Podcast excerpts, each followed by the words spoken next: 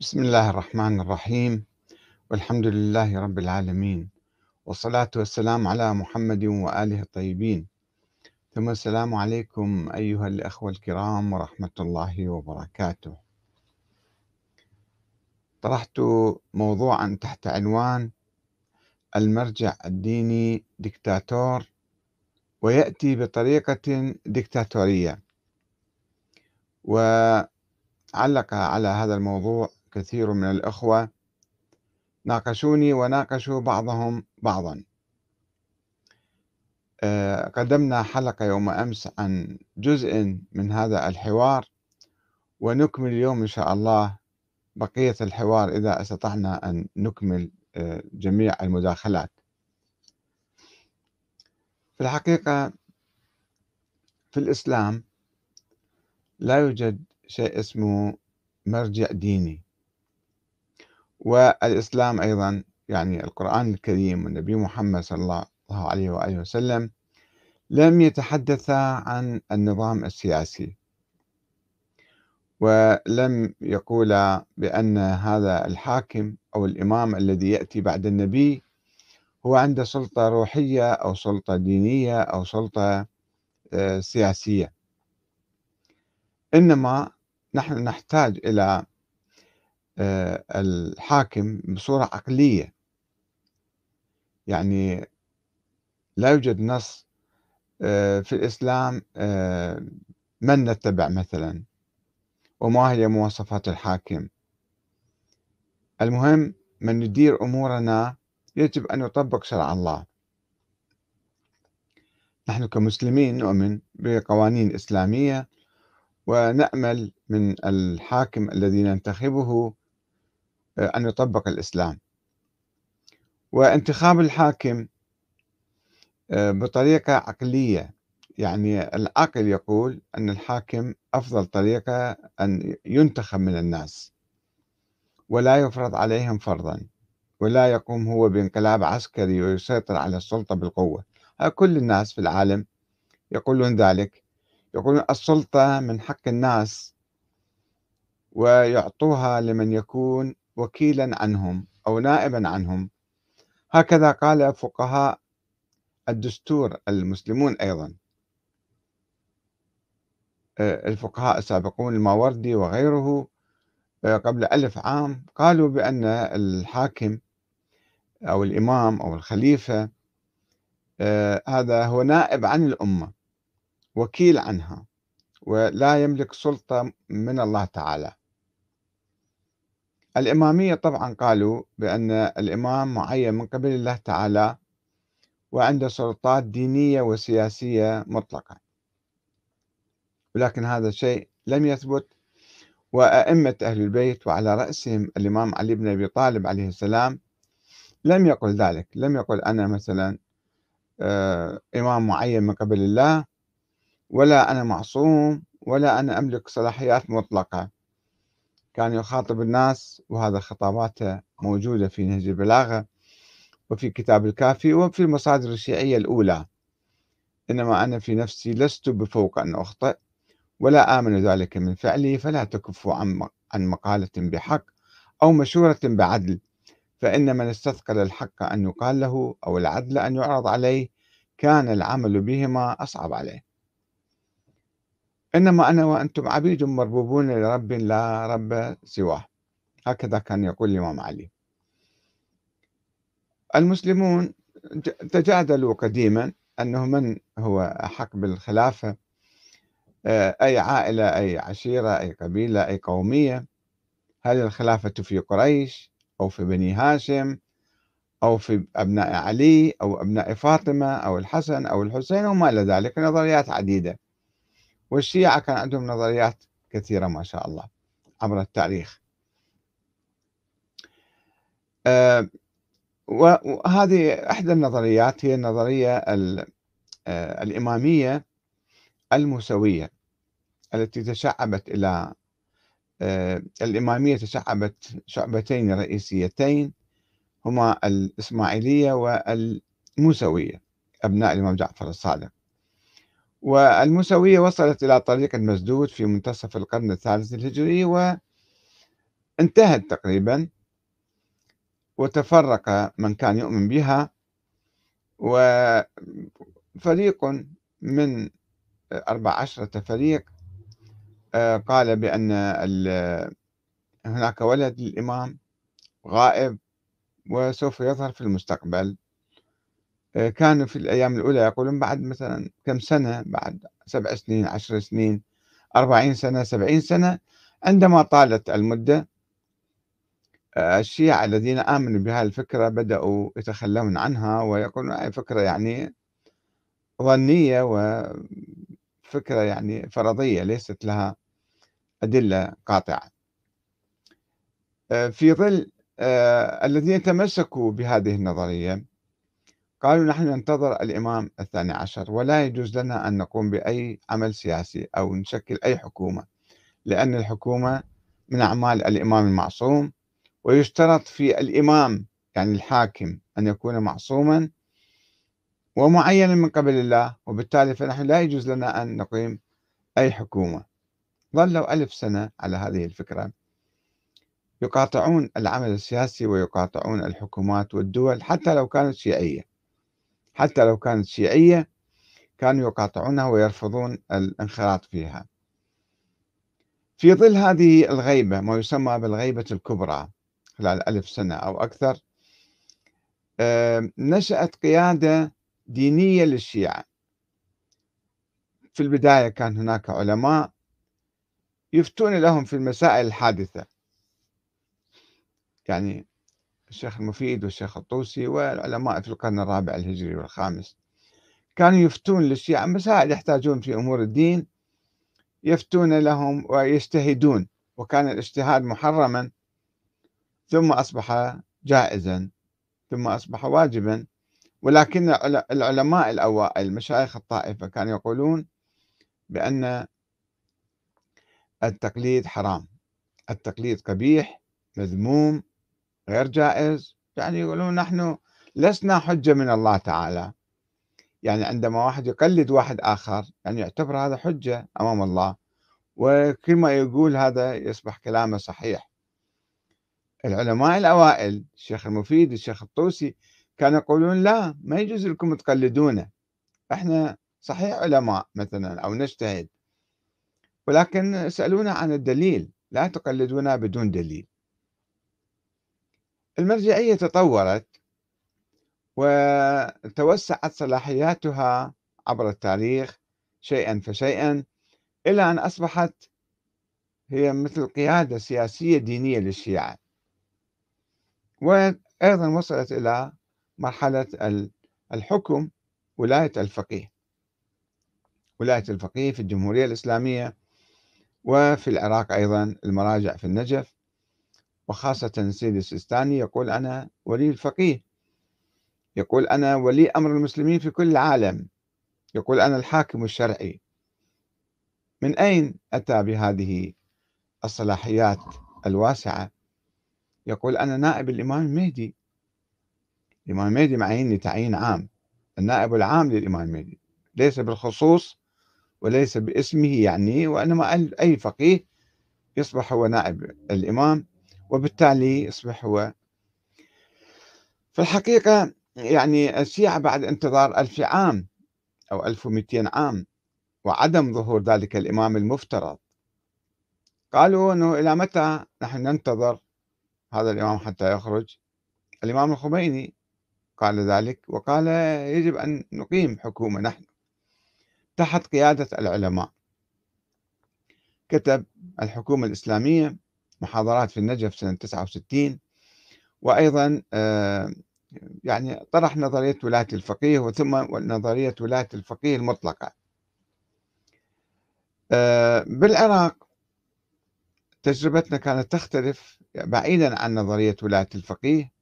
التجربة الدستورية العراقية منذ 2003 2004 صار عندنا نظام ديمقراطي يعني آه، الشعب ينتخب النواب والنواب ينتخبون الرئيس رئيس الجمهورية ورئيس الوزراء وهكذا نشكل حكومة.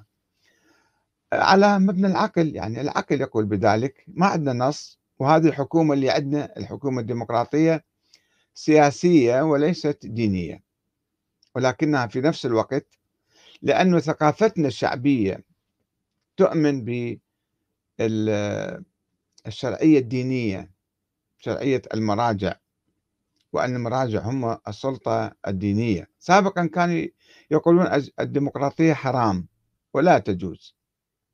ولا يجوز أن نقيم حكومة على أساس الديمقراطية. الآن صار عندنا ديمقراطية بالدستور ما له علاقة بالمرجعية. الحكومة الديمقراطية النواب.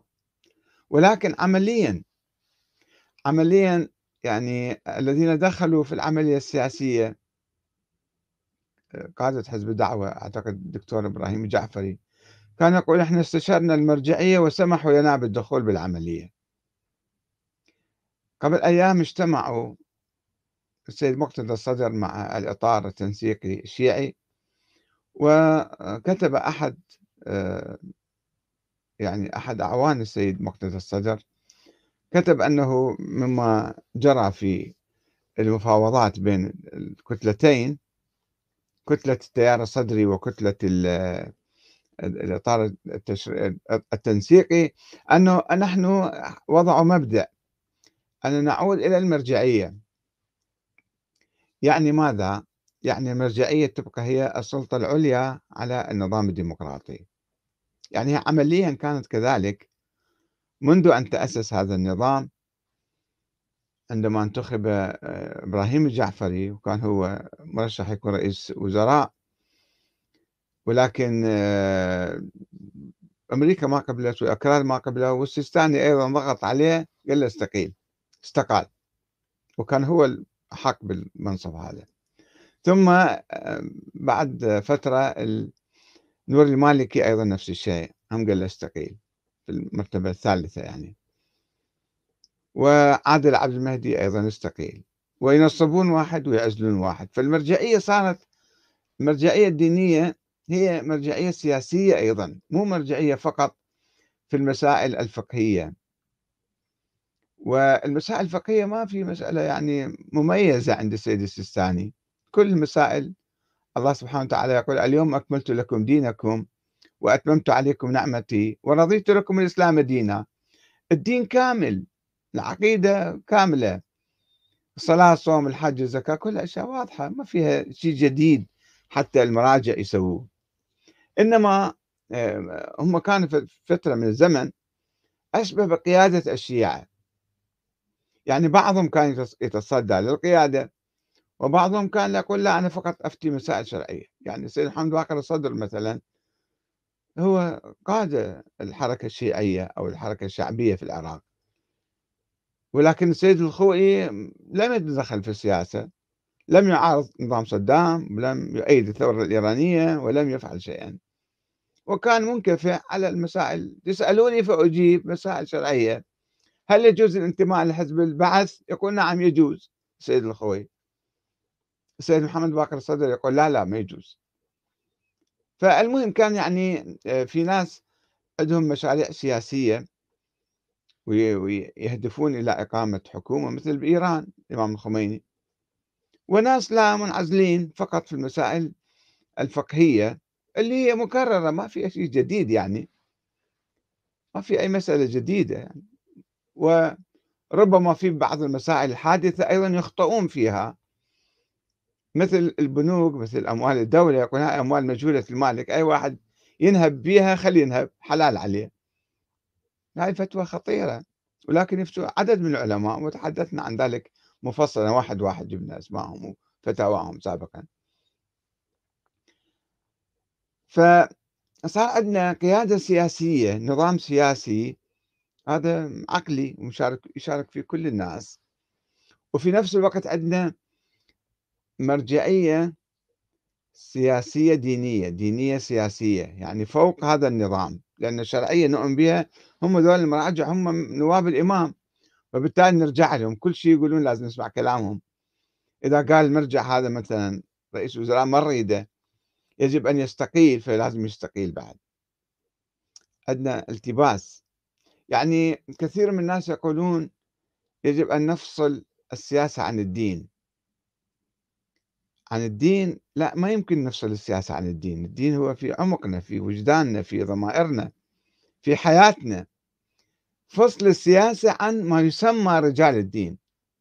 وبالإسلام أساسا ما عندنا شيء اسمه رجال الدين. مثل الكنيسة في أوروبا البابا كان يعين الملوك في القرون الوسطى. وبالتالي عندما حدثت الثورة في أوروبا فصلوا الأنظمة السياسية عن الكنيسة. سموه فصل السياسة عن الدين عن الكنيسة يعني. الكنيسة هي الدين. في الإسلام ما عندنا فشي اسمه مؤسسة دينية أو حكم ديني أو حاكم هو ديني عنده صفة. يعني كأنه مثل الإمام اللي معين من قبل الله ومعصوم. المرجع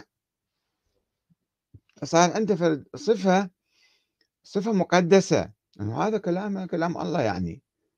وكل ما يفتي كل ما يقول في كلام هو هذا كلام الصحيح. ولازم إحنا نسمع كلامه. واحيانا يتناقضون الفتاوى والعلماء يتناقضون في فتاواهم مع القرآن ومع العقل ومع الواقع ومع مصالح الأمة. أحيانا يعني يعبرون عن ضمير الأمة ويحفظون الوحدة الوطنية أو يقاومون الاستعمار. وأحيانا لا يتحالفون مع الاستعمار. سيد كاظم اليزدي مثلا. صارت ثورة النجف ومسكوا قادة الثورة وأعدموهم وما يتدخل أصلا قال ما خصني. ولم يتكلم ضد آه، يعني البريطانيين عندما احتلوا العراق. في البداية راح قاتل بس بعدين سكت. وعندنا أيضا نفس الشيء سيد السيستاني عندما بدأ الغزو الأمريكي للعراق في أيام صدام طلع فتوى هو وبعض المراجع الآخرين.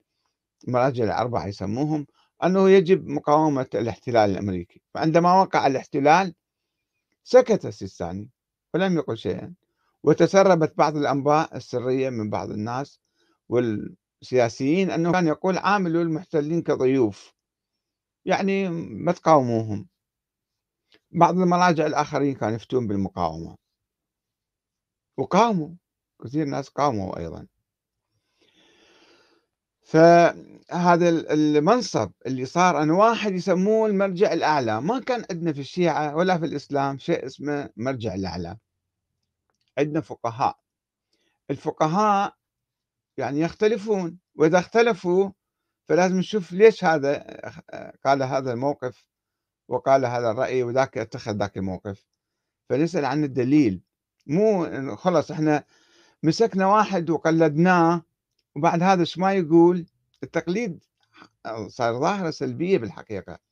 الرجوع إلى العلماء ظاهرة إيجابية ولازم يكون عندنا علماء وعندنا مجتهدون حتى آه، يبحثوا في المسائل الحادثة. مثلا عندنا شيء اسمه بنوك أو العملة كانت ذهبية صارت ورقية. هذه العملة الورقية مثلا. آه، أو صارت الآن بالإنترنت أيضا عملات بيتكوين وغيرها. آه، هذه العملات تعتبر عملة فلوس يعني هذه عليها زكاة لو ما عليها زكاة. لأن نعرف إحنا مثلا الزكاة في النقدين الذهب والفضة هكذا يقولون قديما يعني. طيب الآن راحت النقدين بعد ما عندنا ذهب وفضة عندنا عملات ورقية عندنا دولارات عندنا دنانير عندنا ليرات. فما هو حكمها؟ حكم هذه الأوراق النقدية. تشوفون أكثر العلماء يقولون لا خلص بعد هذه مو نقدين فتسقط. هل هذا رأيهم صحيح؟ ماكو زكاة على الفلوس العملة يعني؟ الخمس الخمس ما كان واجب بعدين سووه واجب. بأي دليل؟ لا تسأل عن دليل. كان طول ألف سنة ما كان واجب الخمس. وما يعرفون لمن يعطوه. وفتاوى العلماء من أول يوم حتى الآن. الآن لا واجب ولازم تعطينا حتى لو شيشة عطر باقي شوية عندك بالعطر أو كتاب مثلا عندك زايد لازم تطلع عليه خمس.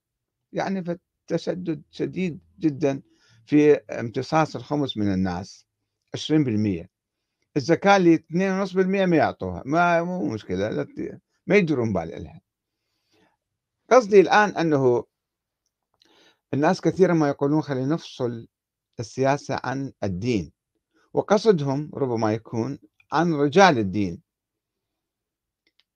ما عندنا في الإسلام رجال دين ولكن الآن صار عندنا ظاهرة اسمهم المراجع. المراجع هم يمثلون الدين يمثلون الله. وبعدين مو مسألة فقه وأفقه وعالم وأعلم لا نفس الشيء كلهم نفس الشيء. أو واحد أسوأ من الثاني حتى أجهل من الآخر مو أعلم من الآخر. صدقوني في الحوزة ناس يطرحون أساطير وأوهام أو هذا عالم هذا أعلم العلماء. وكل واحد يقول أنا أعلم العلماء وجماعته يقولون هذا هو أعلم. صار أعلم. كيف صار أعلم؟ قد يكون هذا أجهل من الآخرين. ذلك جهال وهذا أجهل من عندهم بالعكس واقعا. وأنا أثبت هذا بالدليل يعني كلام. يعني في ناس فتاوى عجيبة غريبة. يجي يقول لك أموال الدولة كلها مجهولة المالك. البنوك حتى الأهلية حتى الكذا هم بس تحط فلوسك بها راحت فلوسك صارت مجهولة المالك. تسحب من عندها غير ما تقدر اسحب.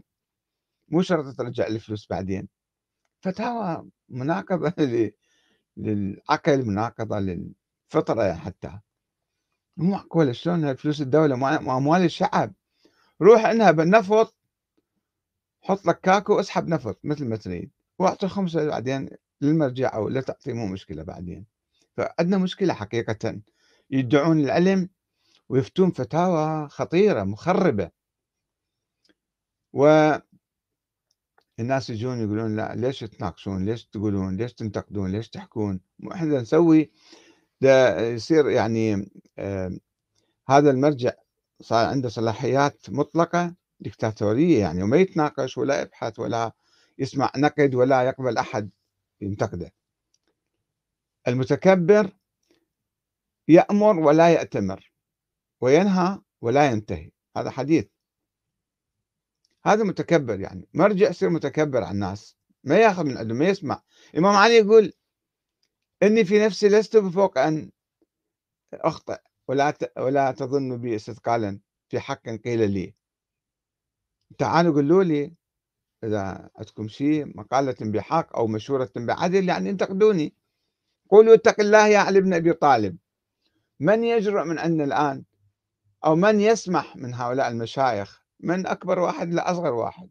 بس لف لف على راسه قال لك أنا الشيخ وصعد على المنبر بعد ما تتمكن تقول له اتق الله ما يصير تقول له اتق الله هو يعرف الدين انت شو معرفك؟ زين الإمام علي بن أبي طالب أول ناس اسلاما وأكثرهم جهادا وعاش مع رسول الله ويقول ترى أنا يمكن أخطأ يمكن اشتبه تعالوا قوموني صلحوا لي قولوا لي. قولوا اتق الله يا علي بن أبي طالب. نص حديث الإمام هذا. من يسمح من هؤلاء المشايخ فضلا عن المرجع الأعلى بعد هذا صار مقدس. ما يمكن هذا كلامه صار كلام الله كأنه. فإذا دكتاتورية هذه مشكلة. ومشكلة ثانية طريقة انتخاب هذا المرجع. أيضا طريقة دكتاتورية الشيعة يأخذون على الصحابة أنه كيف في السقيفة قعدوا وانتخبوا أبو بكر. أبو بكر أجى بعدين للمسجد وعرض نفسه أمام الناس والناس انتخبوه وبايعوه. وكيف أبو بكر يعين عمر؟ رشحها زين أنتم الآن المراجع كيف تتم عملية انتخاب المرجع؟ تتم بصورة سرية ما نعرف منو يرشحها وكيف يرشحون هذا. صار لنا 20 سنة نسمع المراجع الأربعة. المراجع الأربعة المراجع الأربعة. على أساس هذول أعلم العلماء. مرة واحدة يطلع لنا شيخ أستاذ بالحوزة مثلا درس بعض الدروس هذا صار أعلم العلماء. طيب وين راح النجفي؟ وين راح الفياض؟ وين راح الفلان؟ شلون؟ من عينه من رشحها من دعا هل السيستاني رشحها مثلا؟ كما يقول البعض. أو ابن السيستاني رشحها وليش رشحوا هذا؟ شنو صفاته مثلا؟ شنو شافوا فيه؟ عندنا علماء في قم مثلا عندنا علماء في لبنان علماء في أي مكان بالهند إن شاء الله. يعني إذا علم إذا مسألة علم أي مكان نجد علماء إحنا نشوف نسألهم أو نقلدهم أو إذا تريدون تقلدون واحد. وناس يعرفون عندهم كتب عندهم أبحاث عندهم محاضرات قيمة. ويجي واحد مثلا يطلع لك ويقول لك أنا أعلم العلماء. وسووا له دعاية يصير عالم العلماء بعد خلاص ما حد ما يتناقش ما حد. فطريقة انتخاب المرجع أيضا دكتاتورية هسه أنا ما أريد أتكلم كثير ما عندي وثائق أنه من وراء الشغلة ومن وراها وكيف وأي دولة تدخلت وليش السعودية تسوي لها إعلام يوميا مسوي لها دعاية مثلا. أشياء مريبة حقيقة غرف سرية مظلمة ينتخبون واحد وهم يتفقون فيما بيناتهم. وربما يعني يصير مفاوضات أعطينا وأعطيك وأرشحك ورشحني وكذا سوي لي بعدين. مثل ما بالبرلمان. مثل ما برلمان شلون يجون بعض الناس الفاسدين المرتشين نرشح هذا نجيب ذاك نودي هذا على أساس إحنا ناخذ حصة. ما يتركون الناس. زين إذا خلينا الأمر للناس الناس يروحون يشوفون. يسألوهم خلينا نوجه 10 20 سؤال 100 سؤال مثلا. ما هي عقيدتك أنت؟ ما هي أصولك؟ ما هي نظرياتك؟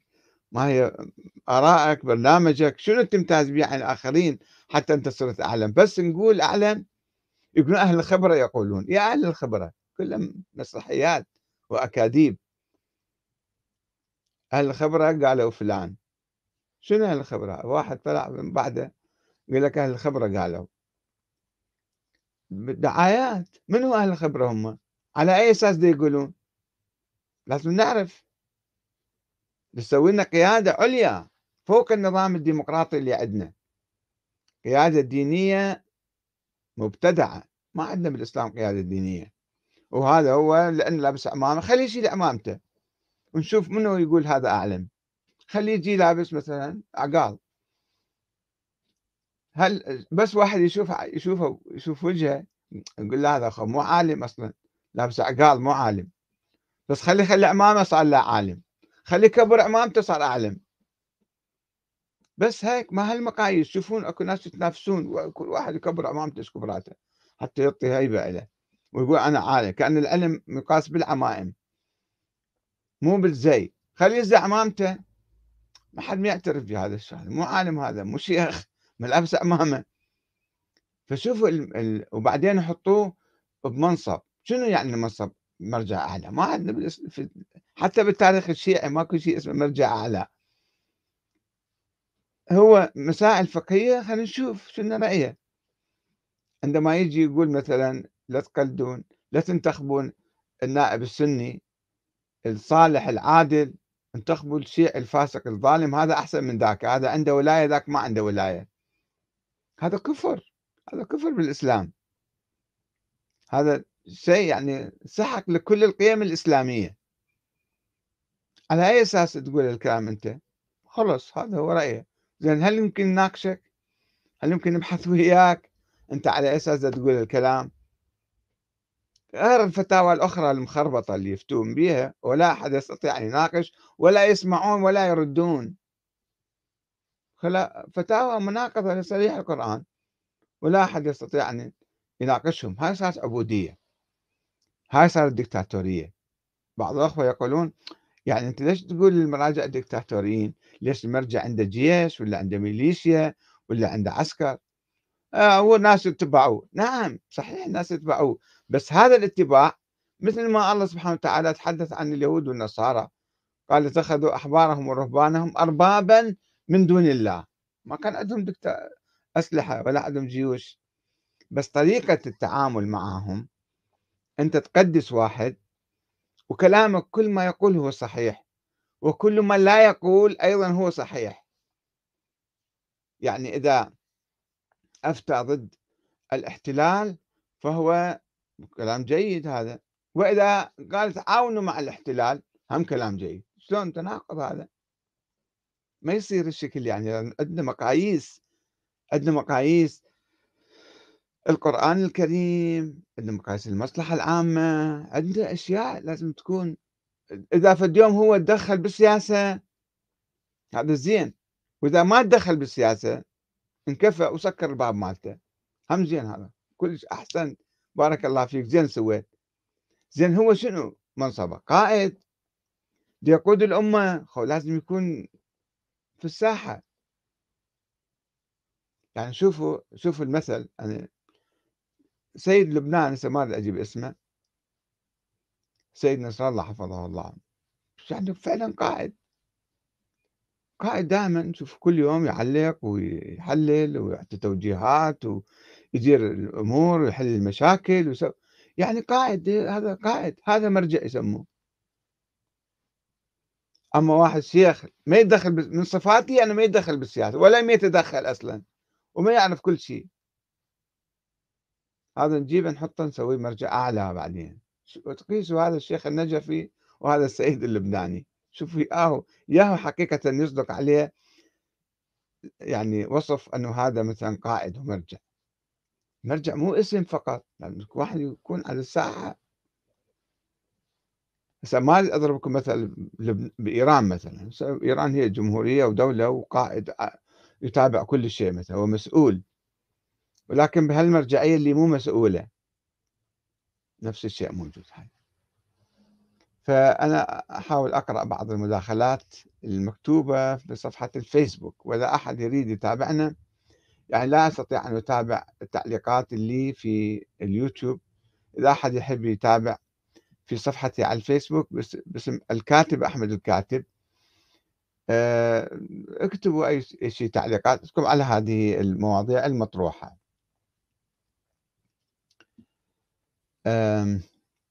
إحنا أخذنا قسم من التعليقات يوم أمس والآن اليوم نتابع قسم آخر. لما طرحنا الموضوع في أخ عزيز آه، الأخ محمد جواد يقول آه، يعني أنه يعني شنو المشكلة؟ اذا إحنا مثل الطبيب نرجع له مثل المهندس نرجع له مثل كذا.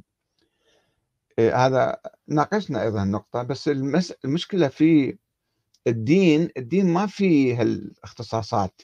ماكو واحد مختص بالدين. ماكو واحد مختص بالدين. الدين هو واضح في القرآن الكريم أي واحد يقرأ. والعبادات كلها أيضا متواترة ومعروفة والناس يصلون ويصومون ويحجون ويزكون. في بعض المسائل الحادثة مثل تحول النقد من ذهب وفضة إلى ورق. هل هذا نفس النقد ولا في شيء ثاني مثلا؟ في زكاة لو ما في زكاة هاي مسألة حادثة ومسائل مشابهة مثلا. آه، ممكن إحنا نسأل أي واحد من العلماء أي واحد يعني يبحث الموضوع ويعطينا رأيه. ونستمع إليه ونشوف رأيه صحيح لو مو صحيح. نفكر فيه. مو نقلده. تقليد حرام وقبيح ومذموم. وبدعة التقليد. نسأله. نقول شلون أنت يعني ليش قلت الكلام؟ في واحد آخر يقول بعكسك. روح نسأل ذاك الثاني أيضا. شوف دليله شنو. ونشوف يا دليل أقوى ناخذه. أما أنه هكذا بالدعاية والإعلام لازم نقلد واحد، أنت قلد يعني إحنا خلص هذا يعني لزقة جونسون مثل ما يقولون. إلى آخر عمر إحنا متابعين هذا الإنسان. إلى أن لو إحنا نموت لو هو يموت. إحنا زواج كاثوليكي مثل ما يقولون. هذا مو صحيح. إحنا لازم نشوف كل إنسان نقيمه على مواقفه كل يوم وعلى أقواله معقولة ولا مو معقولة. وما نتمسك بواحد أي واحد ثاني ثالث رابع كل العلماء نروح نفتح عليهم. فمثل ما إحنا حتى الأطباء ما نتمسك بطبيب واحد طول حياتنا نروح مختلف الأخصائيين والمختصين نسألهم.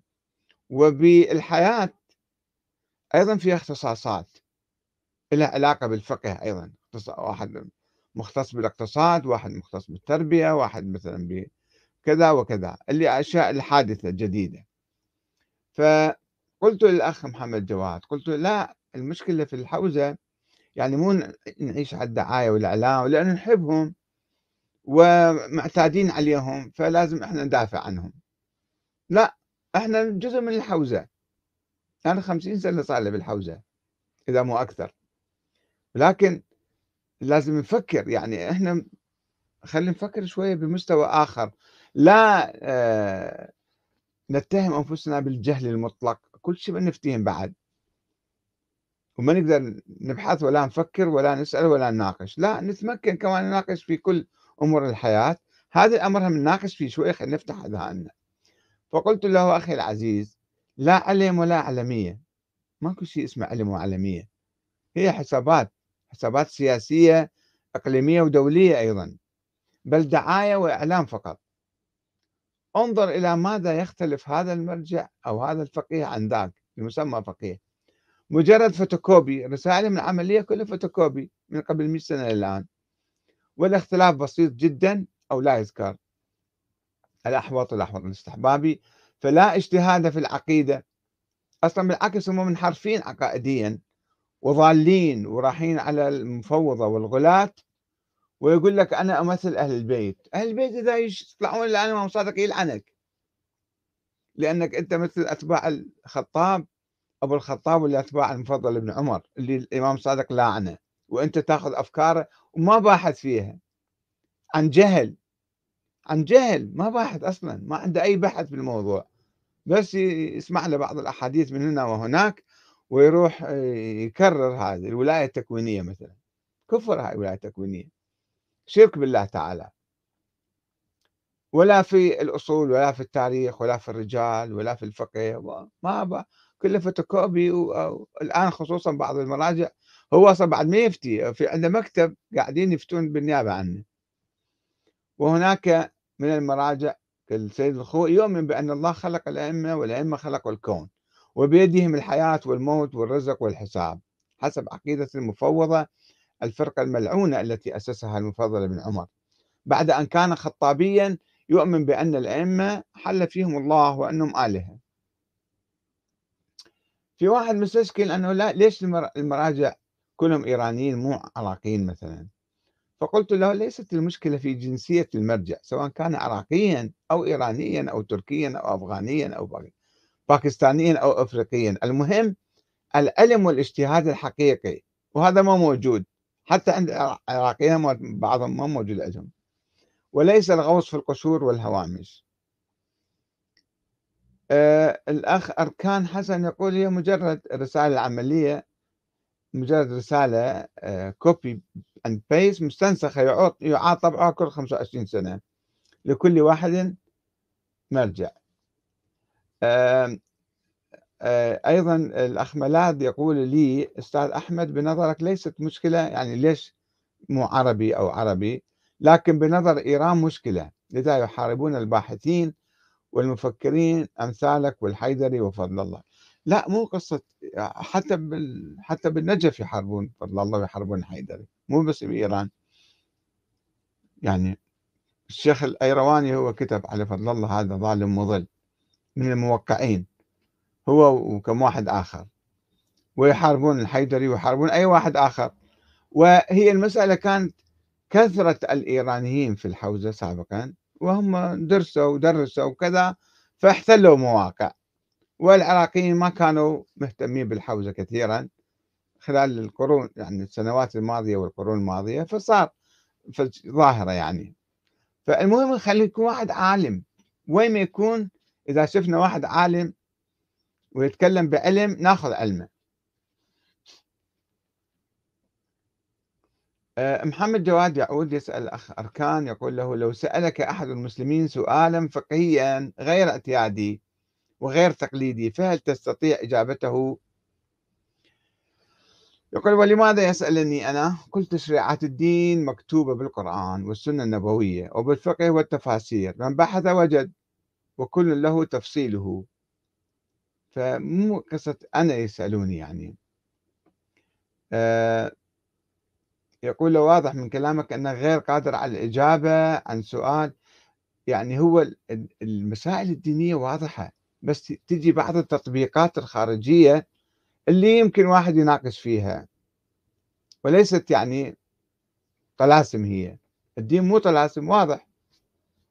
لذلك لو لو لو كان في الدين طلاسم لوضع الله تعالى من يشرح لك. قال ارجعوا لفلان أو ارجعوا إلى فلان. الله ما حط واحد وصي على الدين ولا وصي على السياسة ولا وصي على القرآن. أنت أي واحد مسلم يروح يقرأ ويبحث ويطلع وإذا كان في آراء متناقضة يحاول يطلع على الأدلة مالتها. لا يقلد. التقليد حرام قبيح ومذموم وانحطاط. إحنا ما نريد يعني كيف إذا تودون إلغاء ومحو مدرسة؟ لا إحنا من نقول ماكو علم. إحنا نريد علماء. أكو ناس بالحوزة يقولون أصلا ما نحتاج علم رجال. خلص ريحوا نفسهم. إحنا نحتاج نحتاج علماء يحققون في الرجال حتى يصلون إلى الحقيقة. مو نقول نضرب العلم كله نقول هذا علم سني ونرتاح. الأخباريين عموما ما ما يلجؤون لعلم الرجال. وكثير ممن يدعي الاصول من المراجع الاصوليين هو أيضا لا يحقق. يعني شنو هو الاخباري؟ الاخباري الذي يأخذ العقائد والأفكار والأحاديث كما هي من دون تحقيق من دون دراسة من دون نظر. وهذه مشكلة موجودة عند كل من يدعي الاجتهاد والمرجعية هذه الأيام. ليس 100% يعني ربما 1% يطلع على الصفحة. يعني عموما عندنا هاي مشكلة إنه ما في ما في دراسات ما في علم. عندنا أوهام. يعني إذا إذا تشوفون المراجع يتعاركون مع بعض ويضللون بعضهم بناء على ماذا؟ أنه ليش أنت قلت ظل الزهره ما مكسور؟ هي قضية دينية هذه. مو قضية دينية قضية تاريخية نبحثها بالتاريخ. وإذا أنا افترض ورأيي وصل أنه هذه أسطورة وكذب ما كفرت بالله ولا كفرت بالدين. فليش هل الناس اللي يسموهم مراجع؟ التبريزي وحي الخراساني والأيرواني والفلاني والفلاني. ليش يتحمسون حتى يضربون هذا المرجع أو ذاك؟ لأنه قال هذه الكلمة. لأنه هم جهلة. لو كانوا علماء حقيقيون أو حقيقيين لم يق... لم يقولوا ذلك. واحترموا رأي الآخر. هذا حرية الاجتهاد.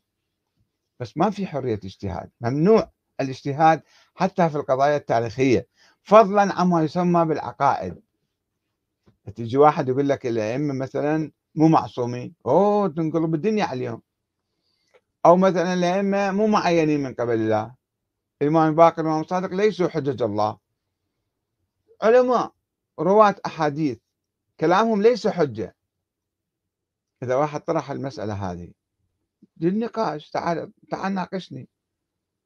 ما هو الدليل على إمامة الباقر والصادق مثلا؟ بالحوزة أطرحوا هذا السؤال.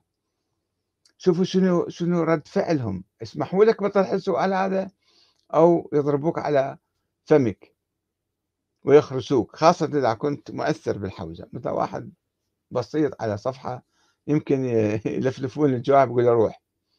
في قضايا رئيسية متوقف عليها الانقسام الطائفي متوقف عليها الاستبداد في المنطقة كلها. الطائفية. ال... هذه أمور بحاجة إلى اجتهاد ودراسة. ولكن الجماعة ما يدرسون ما دارسين الموضوع هذا. اللي يقول لك هذا أنت الشيعي الفاسق الظالم أفضل من السني العادل التقي الورع المنفق في سبيل الله. هذا عقله مخربط دينه مخربط أيضا. ويقول لك هذا أعلم العلماء ليش؟ لأنه أهل الخبرة قالوا أي أهل الخبرة؟ ذولا مرتشين يأخذون فلوس وخاصة الآن. يعني قبل 30 سنة سيد محمد تقي الخوئي لعب دور في ترجيح هذا المرجع وذاك. حاول حاول عدة أشخاص أن يصعدهم خلافة السيد الخوئي. وفشل بعضهم ونجح أنص بعضهم. وكان يعني وسائل محدودة اتصالات شخصية وبالتليفونات وكذا. الآن السيد السيستاني عنده 3000 وكيل في العالم. 3000 وكيل في العالم عنده. في العراق وغير العراق وبإيران. هؤلاء بالإنترنت يتفاعلون معاهم. يعني مو بس بالتليفون بالإنترنت بالكذا. يعني إيه، بالواتساب يوجهوهم وذول يعني شوفوا كيف انت أنتم انتخاب. هذول الوكلاء اذا تبقى وكيل والوكيل طبعا يحصل فلوس مو بلاش. هو يجيب فلوس ويأخذ قسم من من الفلوس. ثلث ربع أقل أكثر. الوكلاء 3000 يجيبون أخماس من زكوات على أساس. أخماس زكوات ما يلمون. آه، فيعطوها للمرجع. و بعد ذلك هم يقولون رشحوا هذا هذا صار أعلم سووا له دعاية. بس سووا له دعاية ترى تطيرون بعد ما لكم حصة ما ما ما تبقون وكلاء. فتخسرون مكانتكم وتخسرون مثلا فلوسكم وعملكم فذول كلهم يقومون يسوون دعاية. 3000 واحد من الشيوخ في كل العالم يسوون دعاية. وهذا صار اعلى من العلماء. مرة واحدة صار سابقا ما حد ما يعرفه. كلها 3000 ما يعرفون هذا الشيخ الجديد الطالع صاير اعلى من العلماء. مرة واحدة بالواتساب كلهم صار هو هذا صار اعلى من العلماء. زين الآن الفلوس أيضا تحدثنا عن دور الفلوس. الآن إيش قد أكو فلوس في ميزانية السيستاني هل الناس اللي يجيبون خمس يعطون؟ إيش قد أكو فلوس؟ يعني ميزانية السيستاني اللي الآن معلنة الإنفاق الصادرات مو الواردات الصادرات كلها يكتبون بال يسوون دعاية يعني بالوسائل المختلفة. ورواتب الحوزة والمراكز والمؤسسات والكذا يعني أقل شيء أقل شيء أنا حسبته قبل كم سنة أقل شيء عندنا 350 مليون دولار كل سنة. والبعض يقول مليار دولار. هذا فقط السيستاني. زين هذه الآن فلوس قاعد تجي. من بده يحاسب؟ من يعرف إيش قد هاي الفلوس جاية؟ وين وين راح تروح؟ والآن إذا مثلا مرجع معين مرة واحدة يعطوه فلوس. ليش اعطيتوا هذا الفلوس؟ على أي أساس مثلا؟ فلوس المرجعية فلوس السيستاني. تعال يا فلان أنت تصير مرجع. أخذ هذه الملايين وزعها على الطلبة. إذا قام يوزع آه، رواتب بالحوزة وعلى الوكلاء في كل مكان بالعالم كل الناس صفقوا له. هو هذا صار المرجع الأعلى لأنه بده يعطي فلوس أعلى راتب تعرفون معظم العلماء في إيران وبالعراق وكل مكان يوزعون فلوس للوكلاء. يعني يعطوه مثلا الشيوخ العاديين إمام مسجد في مكان إمام كذا يعطوه مثلا واحد يعطيه 100 دولار واحد يعطيه 200 دولار واحد 500 دولار. سواء للطلبة أو المدرسين أو الناس البعيدين. وإذا هو قام يجيب فلوس لا يصير وزنه أكبر يقوم يحصل أكثر. فهاي الفلوس منو أمين عليها؟ منو يعرف؟ يعني افترض ميزانية الدولة عندنا. وميزانية الحوزة أكبر من ميزانية بعض الدول الأفريقية. هذه ميزانية الدولة يعني كيف تدار بمزاج شخصي بابن المرجع هو يتصرف فيها. هو يعرف إيش قد جاي فلوس وين راح تروح ولمن يعطيها وكيف يعطيها وعلى أي أساس يعطيها. ما نعرف. كل أشياء سرية. هذه أقول طريقة ديكتاتورية. ما فيها شفافية. ما فيها معرفة. الناس ما يعرفون. أعطوا فلوس وراحت.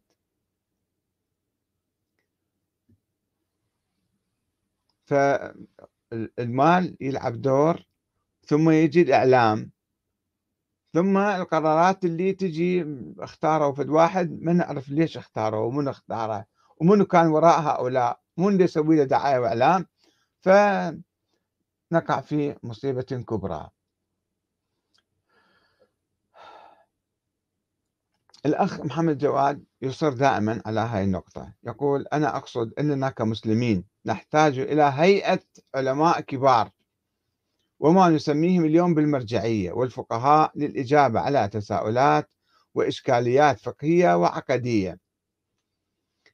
هيئة كبار العلماء طبعا العلماء رفضوا ذلك. السيد محمد سعيد الحكيم مثلا رفض هذه الأطروحة أن تصير مؤسسة وتحصر فيها الفتوى وتمثل الشيعة.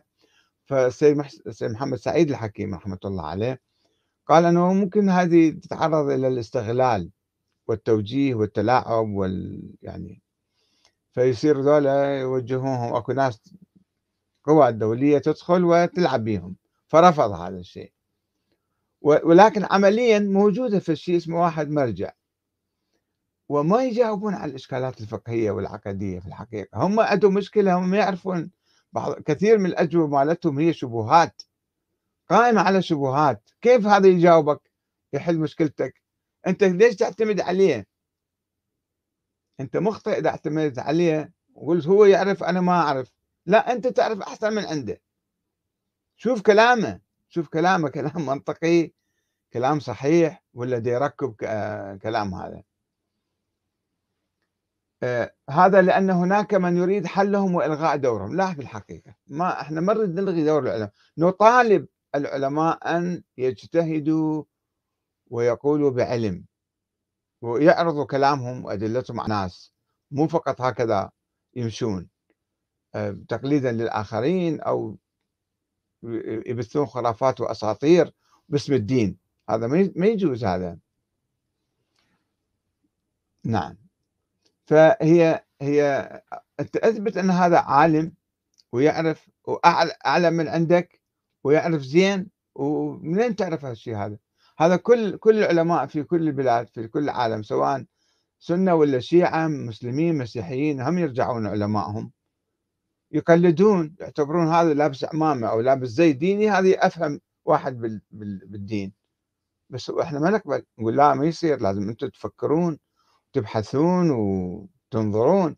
فلماذا نحن نغلق عيوننا وآذاننا ونمشي يعني من ما نفكر؟ ما نسأل عن الدليل. المشكلة الكلام الفارق نبحث عن الدليل ولازم لا نقول شيئا إلا بدليل.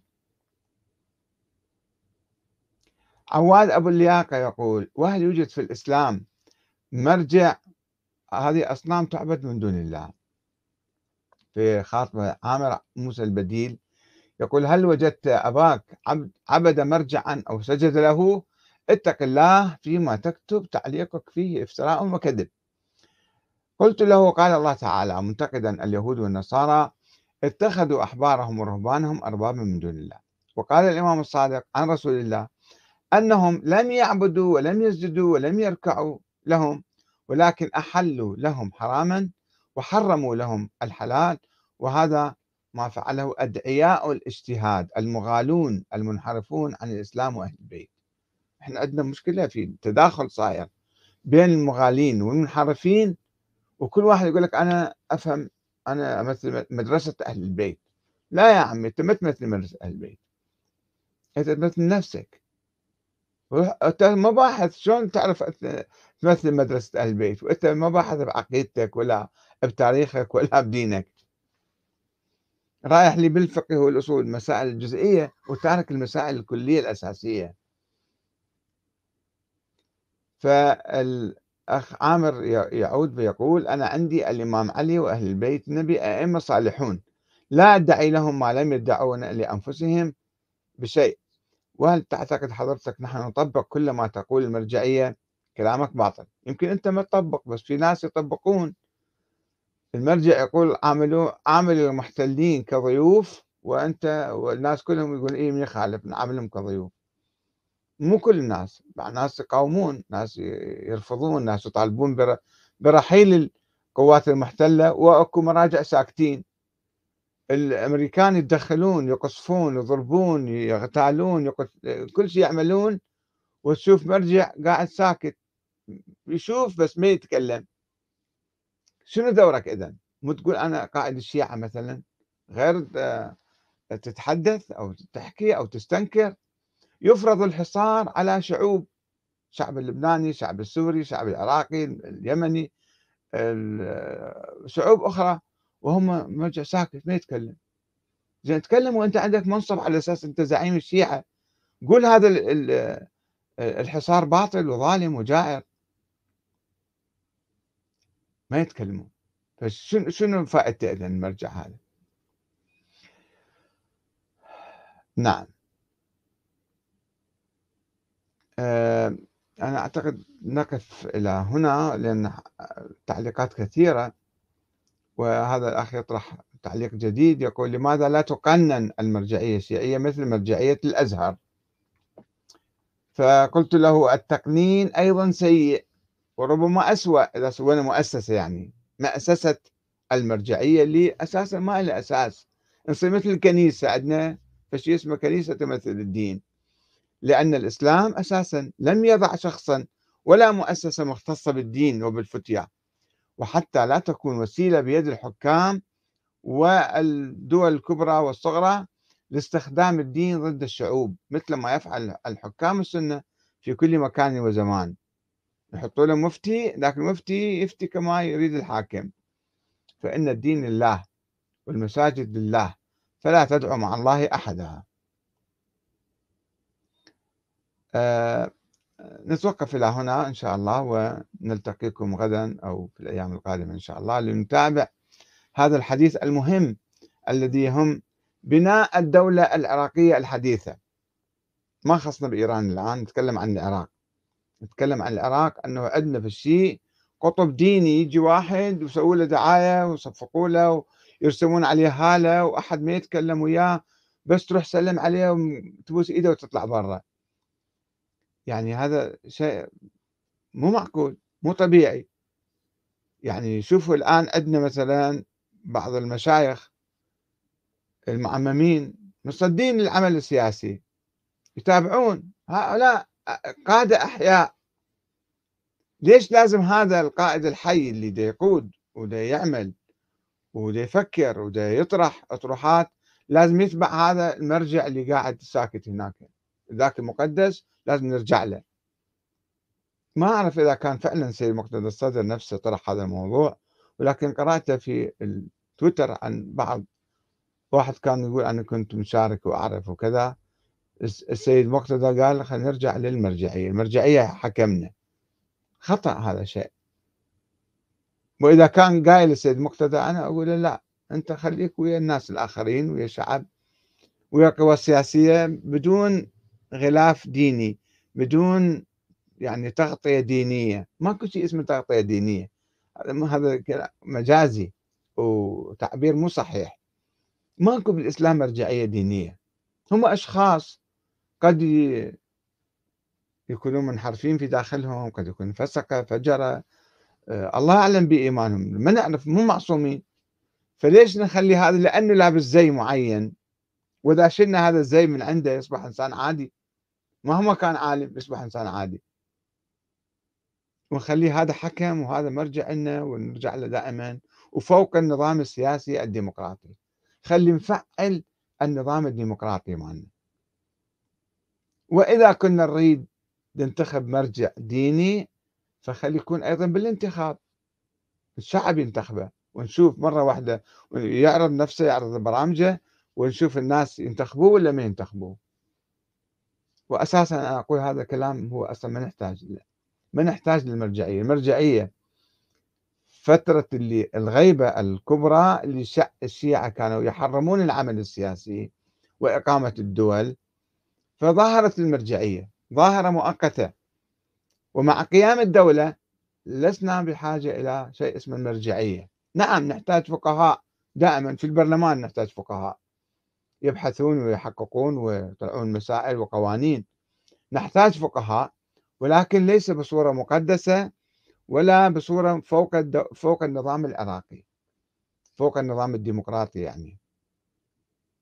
هذا هو جوهر الخلاف في الموضوع. والسلام عليكم ورحمة الله وبركاته.